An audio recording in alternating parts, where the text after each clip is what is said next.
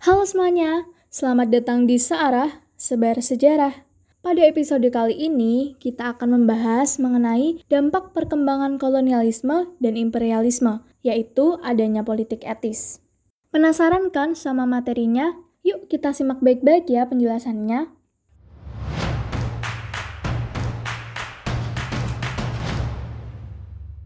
Pada awal abad ke-20, terjadi perkembangan baru dalam pelaksanaan politik kolonial Belanda di Indonesia. Politik ini tujuannya adalah meningkatkan kemajuan rakyat Indonesia. Namanya adalah politik etis atau politik balas budi yang menyatakan bahwa pemerintah kolonial memegang tanggung jawab moral bagi kesejahteraan pribumi. Pemikiran tersebut merupakan kritik terhadap tanam paksa yang menyengsarakan pribumi. Awal mula politik etis dimulai ketika Ratu Wilhelmina I diangkat sebagai ratu baru di Belanda pada tahun 1898. Pada saat itu, Ratu Belanda tersebut menyatakan bahwa Belanda berhutang kepada Hindia Belanda sehingga dimulailah era politik etis yang dipimpin oleh Menteri Jajahan Alexander W.F. Edinburgh yang kemudian menjadi Gubernur Jenderal Hindia Belanda pada tahun 1909 sampai 1916. Dilaksanakannya politik etis dimulai pada tahun 1900-an dengan pemberian bantuan sebesar 40 juta gulden. Terdapat tiga program politik etis, yaitu irigasi, edukasi, dan transmigrasi. Irigasi merupakan program pembangunan dan penyempurnaan sarana prasarana guna kesejahteraan rakyat, terutama di bidang pertanian seperti pembuatan waduk untuk menampung air hujan dan sanitasi untuk mengurangi penyakit.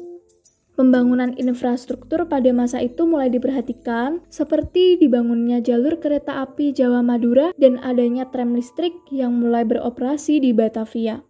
Kemudian nih teman-teman, edukasi merupakan program peningkatan mutu SDM dengan mengurangi angka buta huruf. Hal tersebut tentunya juga memiliki implikasi yang baik bagi Belanda, di mana mereka mendapatkan tenaga kerja terdidik untuk birokrasinya dengan gaji yang murah.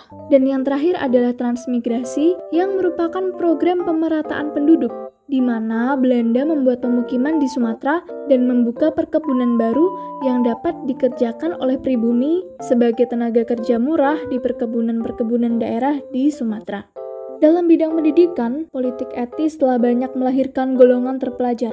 Pendidikan ini tidak hanya untuk orang-orang Belanda, tetapi juga diperuntukkan kepada kaum pribumi, tetapi dengan persyaratan-persyaratan tertentu ya, Suasana dan simbol kemajuan melalui program pendidikan ini juga digambarkan oleh adanya surat-surat R.A. Kartini kepada sahabatnya, yaitu Nyonya Abendanon di Belanda, yang merupakan inspirasi bagi kaum etis pada saat itu. Nah, dampak positif adanya politik etis ini di bidang pendidikan adalah timbulnya kesadaran di kalangan pribumi akan pentingnya pendidikan dan semakin banyaknya pribumi yang bersekolah di sekolah tingkat rendah, menengah, maupun tinggi. Sekolah tingkat rendah pada masa Hindia Belanda atau yang setara dengan sekolah dasar antara lain ELS, HIS, dan HCS yang merupakan sekolah untuk peranakan Tionghoa. Sedangkan ada pula sekolah rakyat yang diperuntukkan bagi kaum pribumi. Di sekolah rakyat ini diajarkan cara membaca, menulis, berhitung, dan kerajinan dengan bahasa pengantarnya yaitu bahasa Jawa. Selanjutnya adalah sekolah tingkat menengah yaitu Mulo, HBS, dan AMS. Ada pula sekolah kejuruan seperti Quick School atau sekolah guru. Kemudian, khusus untuk kaum pribumi disediakan sekolah kelas 1 yang murid-muridnya berasal dari anak-anak golongan atas yang nanti akan menjadi pegawai. Kemudian, rakyat pada umumnya disediakan sekolah kelas 2 yang di Jawa dikenal dengan sekolah Ongkoloro. Munculnya kaum terpelajar itu mendorong adanya surat kabar, seperti pewarta priai yang membawa pencerahan di kalangan pribumi. Dari berbagai informasi yang ada di surat kabar inilah, lambat laun kesadaran akan pentingnya persamaan kemerdekaan terus menyebar di kalangan terpelajar di seluruh wilayah Hindia Belanda.